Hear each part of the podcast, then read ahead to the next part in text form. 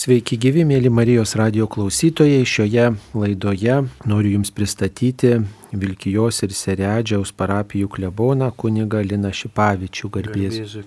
Per amžius amen, taigi kunigė Linai, šioje laidoje aptarkime tokį aspektą, kuris Jėzaus istorijoje yra daugeliu žmonių toks mislingas, tai yra Jėzaus paukojimas šventykloje apskritai paukojimo aspektas daugeliu žmonių sunkiai suprantamas, tai verta vis dėlto ne tik tai kalbėti apie žmogaus pavedimą Dievui turbūt, bet ir apie aukos motyvą.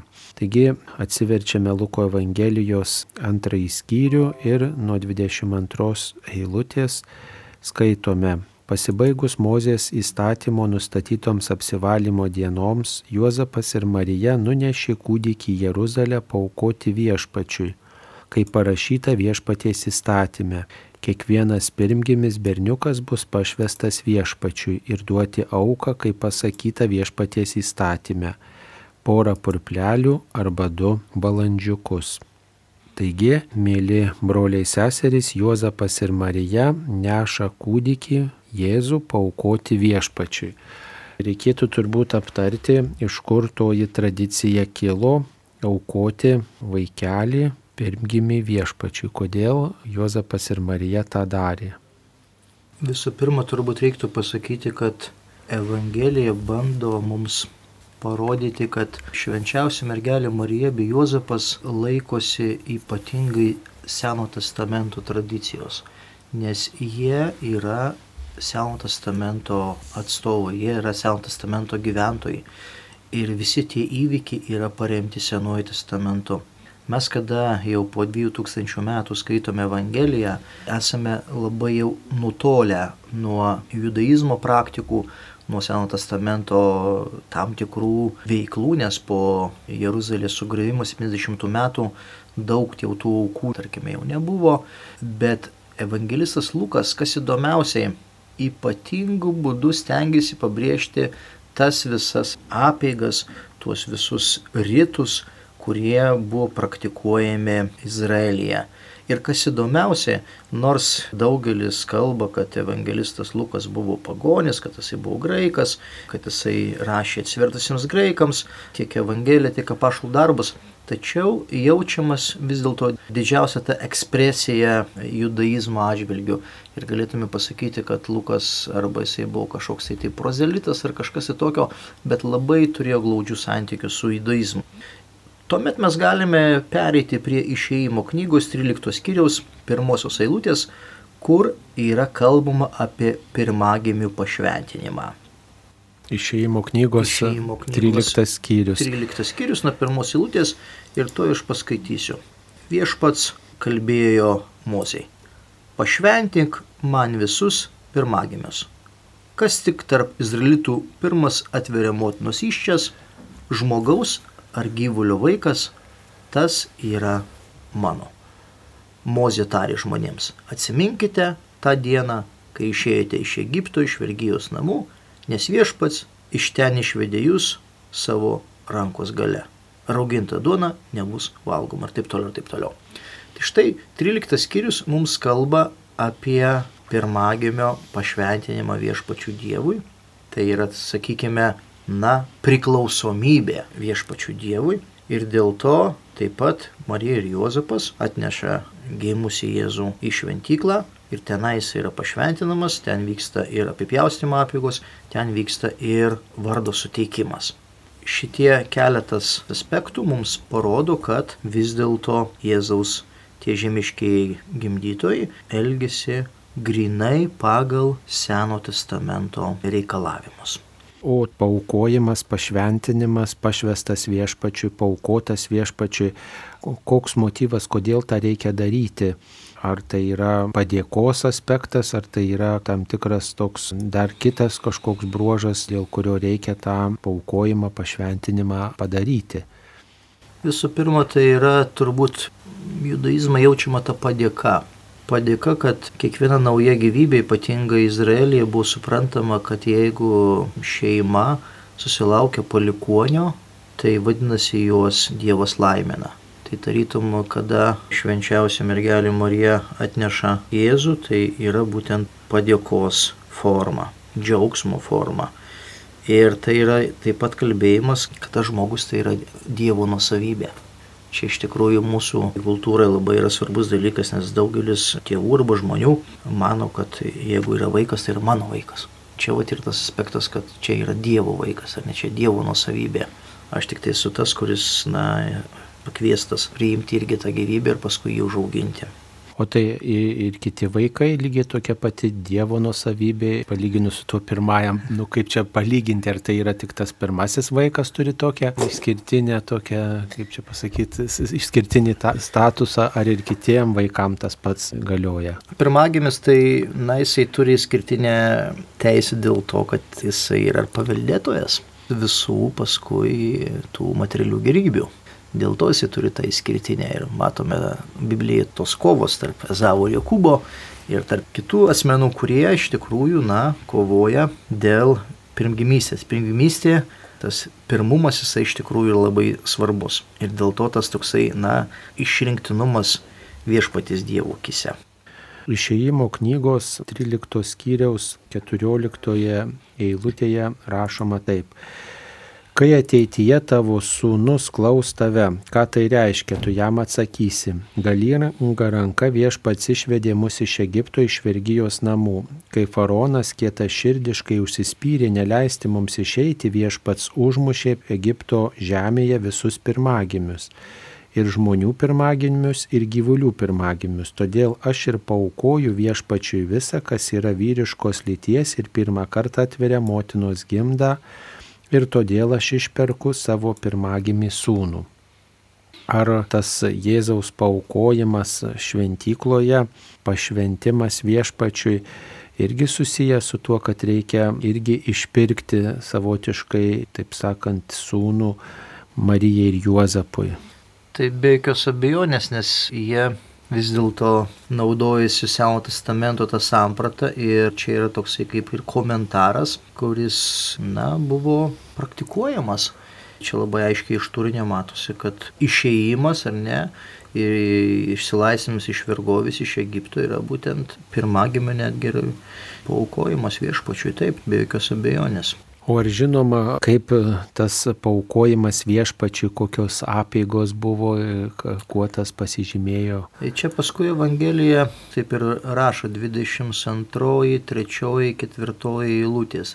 Kaip parašyta viešpatį įstatymą, kiekvienas pirmgimis berniukas bus pašvestas viešpačiui ir duoti auką 24 eilutė antros skyriaus Luko Evangelija, kaip parašyta viešpatys įstatymą, porą purplelių arba du balandžiukus. Tai štai atnešimas arba pristatymas, tai tarytum, na, vaikelis yra parodomas Dievo akivaizdoj. Nes šventykla, ateimas į šventyklą, tai atsistoti Dievo akivaizdoj. Ir tada vat, tas parodimas, vat, judaizme iš tikrųjų buvo labai akcentuotinas kad kažką tai vat parodyti, kaip tos ir padėtinės duonos buvo irgi, sakykime, pakeldavo ten auko ir parodydavo. Tas pas mes, pažiūrėjau, kaip švenčiame irgi šventas mišes, mes pakeliame ostiją ir parodome. Tai yra tas va toksai parodimas, jisai turi labai svarbę prasme. Ir čia taip pat yra tas vaikelio berniuko parodimas, o ne pristatymas viešpačiui ir paskui yra paukojimas aukos. Tikriausiai tas parodimas buvo lydimas ir tam tikros maldos, gesmės, galbūt kažkokio psalmės recitavimo, dar kažkokio gesto. Ne tik tai, kad tylomis tą padarydavo, gal yra išlikę kažkokių duomenų. Tam buvo tam tikros liturginės apėgos, kiek esu skaitęs, negirdėjau, kad ten kažkokios tai buvo recitacijos, bet galbūt taip ir buvo kad sekė tam tikra liturgija, tam tikra peiga. Galbūt kažkokios buvo skaitomas ir psalmės, ir tengiesmės, tai be abejonės. Na, ta pati auka, porą purplelių arba du balandžiukus. Čia ji tokia auka ne šiaip savo paminėta Luko Evangelijoje, tai šita auka yra minima ir kunigų knygoje, 12 skyriuje nuo 8 eilutės. Jei šeima neturi iš ko atnašauti avytę, atnašauja du purplelius ar du balandžiukus, vieną deginamajai aukai, o kitą atnašai už nuodėmę. Tie purpleliai jau čia ne šiaip savo sugalvoti, bet paimta iš viešpaties įstatymų, iš kunigų knygos. Kvietimas paukoti tokią auką. Gal reikėtų kažką paaiškinti irgi taip pat, kas tie purpleliai. Tai čia panašu kaip ir tie balandžiai ar purplelis ar balandis. Čia yra galbūt tokia sinonimika, bet čia kalbama apie tą tokį, na, patį menkiausią galbūt aukos formą, nes čia yra tos deginamos aukos, ar ne, nes yra tam tos aukos, sakykime, kaip būdavo iš grūdų, dar iš kažkuo, tai tai čia va, būtent, kad tas išpirkimas būtų pats mažiausias, pats menkiausias, tai buvo naudojami mažiausi skraiduoliai, mažiausi balandžiukai arba kaip mūsų lietuvių kalba, aš dabar čia žiūriu, pavyzdžiui, vertimus, tai visur arba purpleliai, arba balandžiai kitur pas jūrieną purplelis arba du jaunus karvelius. Bet tas vieno žodžio funkcija jinai kalbama. Tai vienas sudeginamas, o kitas atnašaujamas už nuodėmę. Tai sudeginamas tarsi ir būtų aišku ir suprantama, deginama į aukai, deginama ir jautis, ir avis, reiškia tokia auka Dievui, smilkalo dūmai kyla į dangų ir pasiekia viešpatį pagal to metų supratimą, reiškia tokiu būdu Dievas pagarbinamas ir atiduodama garbė Dievui ir tokiu būdu svarstoma, tikima, kad viešpats na, nusiramina, priima tą auką. O štai atnaša už nuodėmę, kas tai būtų, kaip tai galėtume paaiškinti, kas tai yra, kaip tas irgi panašių būdų paskerdžiamas tas karvelis ar kaip kitaip. Ten buvo daug tų deginamųjų formų, tai paprasčiausiai ten vienos tos deginamos aukos buvo pastoviai deginamos, šitos yra proginės, galima sakyti. Ir ten tokių va, tų purplelių deginamų, tai ten buvo turbūt nu šimtai, nes ten tų gimusių ir ten atėjusių į pasaulį tikrai ne vienas ir ne du. Tai ten jau kažkoksai tai būtų nu, ilgas irgi rytas arba ilga procedūra, turbūt užsikištų ten Jeruzalės šventikla ten buvo irgi galbūt toksai greitas būdas. Ir sakykime, na, visada yra kada auka, tai yra tas prašymas tų nuodėmių panaikinimui, bet kitas dalykas tokia nuodėmė samprata kaip asmeninės, tai iš tikrųjų tai naujo testamento jau čia teologija. Sename testamente taigi buvo kolektyvinės nuodėmės samprata už nuodėmės iš tikrųjų, už tautos nuodėmės, net tai aukojo kunigas per Jom Kipur. Taip, tai čia pjaustimo ta apieiga taip pat minima, bet kiek kitų laikų švenčiama ir bažnyčios liturgijoje. Taip, taip. O reiškia pati ta apieiga, apipjaustimas ir paukojimas, ar vykdavo tuo pat metu, ar būdavo dar kitos atskiros šventės. Na, iš Evangelijos čia kaip išplaukia, tai supranti, kad čia žiūrėk 21-22, tai tos eilutės jos truputėlį turi tasą. Tai nėra, kad iš karto vienas po kito, ne, nes praslinkus aštuonioms dienoms, kai reikėjo pjausyti berniuką, buvo tas jos vardas, kurį angelas buvo nurodęs dar prieš pradėjimą iššiose. Ir paskui 22 eilutė nepasibaigus Mozės statymo nustatytoms apsivalymo dienoms. Juozapas ir Marija nunešė kūdikį į Jeruzalę. Tai čia yra jau kitas aspektas nes ten tas apipjaustimas ir vardo suteikimas tai galėjo vykti ir namuose, paprašo Evangelija, o čia jau tarytum yra tas pirmas toksai aspektas pristatymas berniuko viešpačiui. O ar nėra bendrai visas šitas paukojimo epizodas toksai paties Jėzaus, nu aišku, ypatingai turbūt šiuo atveju Juozapo ir Marijos, tam tikras toks solidarumas su visais žmonėmis, nes Jėzui nereikėjo priimti krikšto, nes jisai buvo be jokių nuodėmių, nereikėjo jam apsivalyti, tai yra jo toksai solidarumo ženklas, lygiai taip pat gal ir ta auka, kad ir tokia kukli, ji tiesiog yra solidarumo su visais žmonėmis, su visa išrinktaja tauta ženklas, nes nei Marija neturėjo nuodėmės ir nereikėjo atnašauti jokios aukos už nuodėmę, nei Juozapas, tiesiog nebuvo nei nuodėmės jokios, nei, nei aukos nereikėjo turbūt už Jėzų duoti dangaus tėvui, nes pats tas Jėzus jau auka, pats Jėzus ateina įsikūnyti, pats Dievas save apiplėšia, tai jau yra auka, bet tas Marijos ir Juozapo aukos atnašavimas, atidavimas Dievui gal išreiškia kaip tik tai jų tokį solidarumą su visa išrinktąją tauta ir primena tą visą išrinktąją tautą. Iš vienos pusės šitą idėją teisinga, Bet iš kitos pusės tai evangelistas Lukas ypatingai irgi pabrėžia tą Jėzų žmogiškumą. Ir tarytum deklaravimą, kad tikrai Jėzus yra Izraelio tautos gyventojas. Tikras žmogus ir tikras žydas, kurio pirmieji gyvenimo žingsniai prasidėjo taip pat kaip ir visų kitų žmonių. Ir paskui tik tai po truputėlį jau po tos vaikysės pradeda kristalizuotis Jėzus atgamtinės galios, kad jisai ne tik tai yra žmogus, bet taip pat ir Dievo sūnus. Bet pačioje pradžioje, vat, dabar vat, iš šito teksto mes nieko negalim pasakyti, kad Jėzus yra išskirtinis.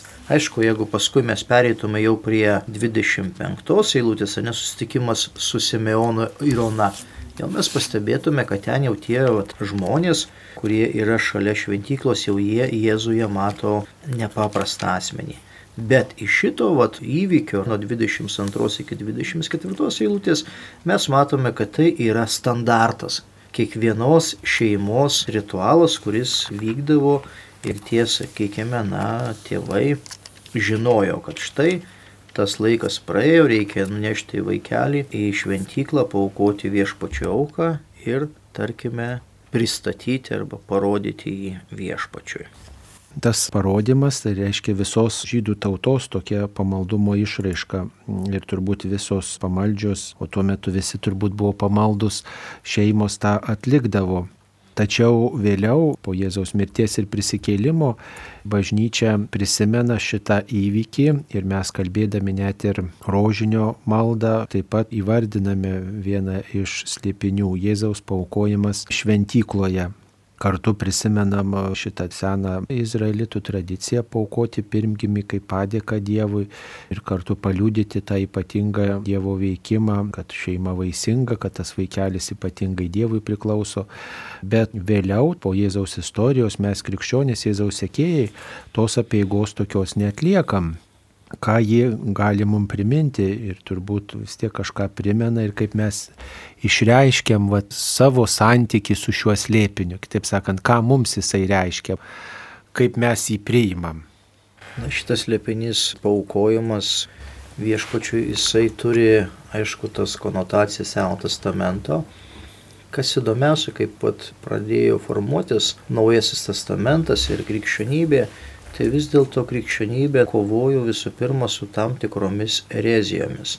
Viena iš jų tai buvo, kuomet tam tikra grupė žmonių, gnostikai, jie labiau skelbė, kad Jėzus yra Dievas, jisai turi tik tai dievišką prigimtį. Ir kas įdomiausia, tie pirmųjų amžių tėvai, kurie buvo tuo pačiu apologetai, jie kovojo norėdami įrodyti, kad Jėzus buvo ir žmogus kas iš tikrųjų, na, 21 amžiuje tai kaip tik yra atvirkščiai, reikia mums įrodinėti kas kartą, kad Jėzus buvo Dievas arba Jėzus yra Dievas. O pirmųjų amžių apologetams ir bažnyčios tėvams reikėjo atvirkščiai, reikėjo įrodinėti, kad jisai ne tik tai buvo Dievas, ne tik tai buvo tas logos, bet taip pat jisai buvo ir žmogus. Ir galbūt Lukas taip pat rašydamas vaikystės istoriją, nes reikia pasakyti tik tai, kad Luko Evangelija plačiausiai aprašo vaikystės Jėzaus įvykius, jisai nori pabrėžti tam skaitytojui, kad Jėzus tikrai buvo žmogus ir jisai turėjo vaikystę. Ir tik tai paskui, na, kada jau subręsta, ateina laiko pilnatvė, kada jisai viešai gali pradėti skelbti Dievo žodį, jisai po truputėlį pasirodo kaip mesijas, kaip Dievo sūnus. Bet kitas labai svarbus dalykas, kad Evangelija parodo, kad Jėzus yra tamprai susijęs su Seno testamento tradicija ir su visom tom apieigom, kurios vyko Sename testamente, kaip ir paukojimas. Kaip pats ir minėjai, kad kadangi jisai buvo Dievo sūnus ir mesijas, jam to daryti ir nereikėjo. Bet vis dėlto parodytą Seno testamento sklaidą. Evangelistas Lukas prašo, kad tie visi įvykiai, kurie įvyko Jėzus gyvenime, jie yra ypatingai susijęti su Seno testamento tradicija, įstatymais ir religiniais ritualais. Šiais laikais, ačiū Dievui, nėra deginamųjų aukų, nėra, sakykime, to pristatymo, bet vis dėlto galėtume pasakyti, kad kada yra mažo vaikelio krikštas, tai jisai šiokį tokį turi atspalvį, kad irgi atneša būtent į bažnyčią, vat, viešpačiui parodyti. Krikštėjimas jisai įvedamas į krikščionių bendruomenę, bet tas parodimas Dievo akivaizdo tas vaikelis taip pat yra mes tą mažą tokį spindulėlį vis dėlto turime. Jeigu mes dabar galėtume palyginti to mažo vaikelio atnešimas į bažnyčią arba į šventyklą, kaip Evangelija rašo, tai yra mūsų toksai mažas spindulėlis Krikšto sakramento. Prancūzai berots ir kai kurios kitos tautos turi tokį paprotį bendruomenėje po krikšto tą vaikelį atneša prie švenčiausios mergelės Marijos altoriaus ir tarsi senąją apėgą prisimena tą vaikelio paukojimą ir tokiu būdu tuo atnešimu paveda ypatingai Dievo motinos globai. Taip, tai čia irgi toksai na, senoji tradicija, ypatingai tos valstybės, kurios anksčiau yra prieėmę krikščionybę, jos kai kurias tokias apėgas yra išlaikę. Bet tas aukos motyvas, jis išlieka net ir po Jėzaus Kristaus gyvenimo istorijos. Štai apie aukos prasme rašoma ir įvairiuose laiškuose. Pavyzdžiui, laiškė žydams 13 skyriuje, 16 eilutėje yra toksai sakinys. Laiško autorius rašo, nepamirškite daryti gerą ir dalytis su kitais geru, nes tokiomis aukomis patiksite Dievui. Tai yra tas aukos supratimas truputį kitaip jau plėtojamas, ne tik tai auka yra tas vaikelis, kuris Dievui parodomas, bet Dievui mes įteikiame auką, kai darome gerą ir dalinamės su kitais visokiomis gerybėmis. Tai irgi yra Dievui auka ir tokiu būdu mes ne purplelius degindami, ne viskersdami, bet gerą darydami mes atsiliepiame Dievui. Tai taip pat reikia turbūt irgi pasakyti, kaip pasikeitė ta samprata tokia nuo aukos, kuri išreiškiama gyvuliais, štai prie gerų darbų. Taip, aukos aš dabar žiūriu tą graikišką žodį, tuziją, kur cituoja laiškė žydams, Naujame testamente yra 28 kartai. Ir visų pirma yra citata iš pranašo Aš noriu gailestingumo, o ne aukojos, aš ir atėjau šaukti neteisiųjų, bet nusidėjėlių. Tai vis dėlto laiškas žydams kalba apie tokią, na, dvasinę auką, nes čia cituojamas pranašas Ozėjas, šeštas skyrius šeštoji lūtė, kurią Jėzus paskui interpretuoja Mato Evangelijoje 9 skyrius 13 lūtė. Žydų sampratoje buvo labai stipriai užsilikęs tavoka aukos, kad tikinti žmogus kaip jisai su Dievu bendrauja, būtent atneždamas jam aukas, atneždamas jam dovanas. Aišku, ir ta maldos forma buvo, bet vis dėlto ir štai mūsų netgi analizuojame tekste 24 eilutėje, taip pat yra kalbama apie auką ir naudojamas tas pats daiktavardis tuzyje nes ir pats Jėzus save atidavė už visus žmonės kaip atnaša ir kvapia auka Dievui. Apie tai skaitome ir laiškė feziečiams penktame skyriuje antroje eilutėje. Kristus pamilo jūs ir atidavė už mus save kaip atnašą ir kvapę auką Dievui. Tai Jėzus įgyvendina tą Senojo testamento principą aukoti už nuodėmę, aukoti už nusižengimą ir jisai pats save paukojo už visus žmonės. Ir mes atsiliepdami į šitą Jėzaus gestą esame kviečiami gyventi tarpusavio meilę, nes aukos nebereikia, Kristus už mus save atidavė savo gyvybę. Labai iš tikrųjų nuostabus tekstas romiečiams 12 skyrius pirmoji eilutė rašo šitaip, dėl dievų gailestingumo raginu jūs broliai aukoti savo kūnus kaip gyvą šventą Dievui patinkančią auką, kaip dvasinį garbinimą. Tai štai toksai pakilus yra kvietimas aukoti, pasiaukoti, tarnauti. Visi šitie aspektai iš tikrųjų, na, susiveda, bet tai yra samprata arba supratimas, kad tai yra bendravimo forma. Dar toks aukos aspektas, kuris susijęs taip pat su mūsų pačių tokiu pasiaukojimu, pasiaukojimo nuotaika, kurios esame kviečiami taip pat nepamesti. Tai laiškė romiečiams 12 skyriuje, pirmoje eilutėje. Dėl Dievo gailestingumo prašau jūs, broliai, aukoti savo kūnus kaip gyvą, šventą, Dievui patinkančią auką, kaip dvasinį Dievo garbinimą. Nesekite šiuo pasauliu, bet pasikeiskite atsinaujindami dvasia, kad galėtume suvokti Dievo valią, kas gera, tinkama ir tobula. Taigi savo kūnus aukoti kaip gyvą, šventą, Dievui patinkančią auką.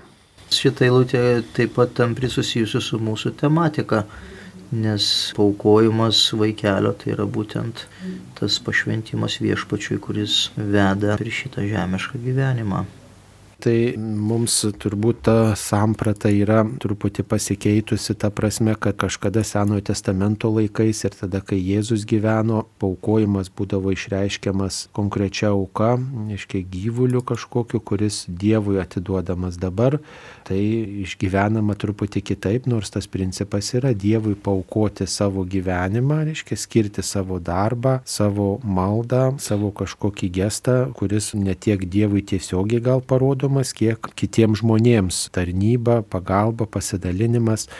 O mes Dievą pagerbėme, pagerbdami šventovę ir taip pat prisidėdami konkrečia kažkokią savo darbo išraišką pinigais arba nu, kažkokiom gerybėm palaikydami Dievo kultą. Ar tai susiję tie dalykai, tas gyvulys, kuris deginamas buvo anais laikais, siekiant pagerbti ir padėkoti Dievui štai su ta piniginė auka, kuri dabar žmonių yra aukojama.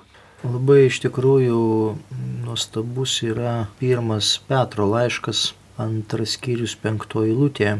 Ir jūs patys, kaip gyvėjai akmenys, statydinkitės į dvasinius namus, kad būtumėte šventa kunigystė ir atnašautumėte dvasinės aukas, priimtas Dievui per Jėzų Kristų. Petro laiškas iš tikrųjų, na, vainikuoja tą visą sampratą, kad mes tikintieji esame gyviai bažnyčios akmenys. Mes esame ta bendruomenė, kurie statomės dvasinius namus. Statymas dvasinių namų, aišku, per kasdienybę, per sakramentų dalyvavom, bet mūsų žvilgsnis iš tikrųjų, na, jau kyla ir į amžinybę, kuri yra dvasinių namų išriška. Ir toliau Petras kalba, kad mes būtume šventa kunigystė, mes dalyvavome Kristaus kunigystėje, mes dalyvavome jo aukoje ir atnašavome dvasinės aukas. Tai vad Euharistija tai yra ta dvasinė auka, kurie vyko Seno testamento laikais. Ir ta dvasinė auka yra maloni arba priimtina Dievui per viešpatį Jėzų Kristų. Ir ta aukos samprata, tik Naume testamentinai turi keletą atspalvių. Nes čia konkrečiai tas žodis tuzyje yra kaip auka. Gali būti ten jaučio, gali būti karvelio, gali būti purplelio. Bet toliau yra sekantis terminas limuzinė, kuris yra, na, tokia išmalda. Tai yra jau kita forma, ta piniginė forma. Ir sekantis, pavyzdžiui, pas apaštalo Paulius, tai nuostabus yra terminas tas diekonija, tai yra tarnystė. Jeigu žmogus tarnauja viešpačiui, jeigu žmogus tarnauja bendruomenė, jisai būtent pasi, paukoja arba pasiaukoja. Tai tie aspektai yra iš tikrųjų, na, tokie gan stiprus Ir ypatingai Paulius kalba, kad mano pasitarnavimas, mano kažkoksai tai geras darbas konkrečiam žmogui, konkrečiai bendruomeniai, konkrečiam darbui, tai yra būtent auka. Ir visų pirma viešpačio auka. Ir tuomet, kada žmogus iš tavęs gauna tam tikrą kažkokį tai pagalbą, jisai supranta, kad tikrai tas dievų gailestingumas yra galimas. Išmalda, kurią taip pat kalba Naujas testamentas ir, ir Senas testamentas, tai yra, sakykime, na, tas palaikymas bendruomenės. Ypatingai Paulius akcentavo tą, kad reikia padėti silpnesniem bendruomenėm arba kurios tik tai dar kūrėsi, kad jos truputėlį sustiprėtų ir kad galėtų funkcionuoti. Tai čia irgi šitas dalykas buvo toksai aktuolus ir buvo kalbėta ne viename laiške. O šiais laikais mes taip pat suvedam į pinigus daug tokio nu, aukos to motyvo, mes reiškia tokiu būdu išreiškiam ir padėką taip pat išreiškiam ir prašymą ir turbūt kartais net ir atgailą. Žmogus kartais galbūt ir aukoja didesnę auką, norėdamas atsiteisti tokiu būdu už savo padarytas kažkokias klaidas. Tai turbūt irgi turi tam tikras biblinės šaknis e, toks mąstymas. Istoriškai labai įdomus yra aspektai, kad sakykime, kad ir kameldulių vienuolinai, kurie atsirado Lietuvos ir Lenkijos teritorijoje, tai buvo už atgailą kad žmonės, kurie padarė ten vieną ar kitą nuodėmę, jiem buvo pasakyta, kad turit pastatyti vienuolyną, kad jūsų tos nuodėmės būtų apvalytos. Ir mm, kokie užaugo nuostabus vaisiai. Atsirado didžiuliai vienuolynai ir, ir vienuoliai ir iki šiol funkcionuoja. Galima sakyti, atgailos forma, kuri dabar funkcionuoja bažnyčioje, tai jinai yra labai simbolinė. Senais laikais tikrai, jeigu žmogus padarydavo tam tikrą nuodėmę, galima sakyti sunkę nuodėmę, tai jisai atgailodavo tikrai labai stipriai. Ir mes turime tekstų, kur, tarkime, ir vieša atgaila, ir ta ilgoji atgaila, kuri buvo bažnyčioje praktikuojama, šiuo metu tik tai perina dabar į tokį simbolinį aspektą dabar žmogui pasakyti, kad ten už atgalą dabar turi nupirkti bažnyčiai žvakidę arba kilimą, tai tas žmogus nesuprastų, ar ne? Dabar už atgailą ten dažniausiai yra tam tikros tik tai kalbamos maldos arba daromi tam tikri geri darbai. Tai gal čia tas aukos pasikeitęs, tas aukos supratimas, na, tokia ir žalą mums atneša, mes tada, na, nesvarstome, kad tas išgelbėjimas, na, iš tiesų, nu, Dievui kainavo, kad mes tiesiog labai lengvabūdiškai tą priimam. Žinoma, kad taip, nes dabartinėje visuomenėje, dabartinėje bažnyčioje aukos supratimas jisai praktiškai mažai labai kur pasireiškia. Na vis dėlto e, vis tiek ta eilutė iš laiško žydams 13 skyriaus 16 eilutė, jinai turbūt galioja ir mums vis dėlto dera ją prisiminti, kad daryti gerą ir dalintis tai yra tokia auka, kuri patinka Dievui, nes vis tiek, jeigu mes tikime, kad Dievas yra, kad Dievas veikia mūsų gyvenime, tai jis ir mūsų santykio reikalauja ir, ir mūsų aukos, kad mes jam skirtume kažką, kad jam skirtume savo laiką. Jeigu mes neaukojam avies, neaukojam balandžių, nepavedam Dievui žmonių, kaip Senojo testamento laikais, Tai ką mes tada Dievui galim duoti, ne? Tai mes galim Dievui duoti gerą, kurį darome ir tą artimo meilę, kurią kitiem esam kviečiami parodyti. Tai jo labiau, kad tokiu būdu sekame Kristumi, kuris tą artimo meilę parodė tokiu tobuliausiu būdu. Žinom ir pastebėkime, kad to eilutė kalbama apie darbų darimą, daryti gerą ir dalyti su kitais geru. Tai nėra dabar kalbama, kad apie kažkokią tai auką, kad nešt ar ne, ar dar kažką, bet, bet va būtent tas toksai moralinis aspektas, jisai akcentuojamas laiške žydams, kuris parodo truputėlį kitą vektorių nei buvo Seno testamento samprata. Ir tarytum toks yra jau pasakymas, kad tai Dievui patinka. Tokios aukos patinka Dievui. Dievui patinka, jeigu žmonės arba bendruomenė daro gerus darbus ir dalinasi su kitais. Kitaip sakant, gėrio auginimas gėrio auginimas bendruomeniai tarp kitų žmonių. Tačiau dar vienas dalykas turbūt yra toksai kaip nuodėmės vengimas ir darybės rinkimasis turbūt irgi tai gali būti auka. Tokį interpretavimą galbūt galima būtų atrasti skaitant laiško romiečiams 12 skyriaus pirmą eilutę - aukoti savo kūną kaip gyvą šventą Dievui patinkančią auką. Tai reiškia, jeigu Dievui priimtina tai, kas gera, jeigu mano kūne yra dorybės, o vengiama įdos ir man tai kainuoja, kaip sakytas, dorybių laikymasis ir nuodėmės vengimas, tai taip pat gali būti auka, kai žmogus, pavyzdžiui, susivaldo maisto dalykuose, skaistumo dalykuose, jeigu jisai nesikeikia, jeigu jisai nepasiduoda rūstumui, puikybei savo kūną ir išoriškai kažkaip tramdo ir viduje, tai irgi yra auka aukos motyvas. Žinoma, kad taip ir netgi čia taip įdomi kalba, kad tai visa tai yra protinga tarnystė. Dėl Dievo gailisingumo raginus broliai atnašauti savo kūnus kaip gyvą šventą Dievui mielą auką, tai jūsų protinga tarnystė. Toksai geras pasirinkimas, galima sakyti, tai yra dvasinis dievų garbinimas, vat, tokiais epitetais mes galėtume pasakyti apie šitą eilutę. Taigi, mėly Marijos radio klausytojai, šioje laidoje kalbėjomės apie auką, apie tai, kad Jėzus Kristus paukotas, pašvestas Dievui kaip pirmagimis, tai padėka Juozapui ir Marijos ir kartu priminimas, kad jis yra išrinktosios tautos žmogus ir kartu mums tai ženklas, kad e, mes taip pat esame kviečiami Dievui dėkoti už savo gyvenimo istoriją, už to žmonės, kurie yra šalia mūsų ir kad mes esame kviečiami sekti Dievu, kuris už mus galiausiai savo gyvybę ant kryžiaus atidavė. Todėl aukos pasiaukojimo motyvas yra svarbus, nes tai yra Jėzaus svarbi gyvenimo tikrovė. Šioje laidoje apie pasiaukojimą kalbėjome su Vilkijos ir Seredžiaus parapijų klebonu kunigu Linu Šipavičiumi, kalbinau aš kunigas Saulis Bužauskas. Visiems linkiu neprarasti noro domėtis, ką aš galiu Dievui skirti. Ačiū sudė.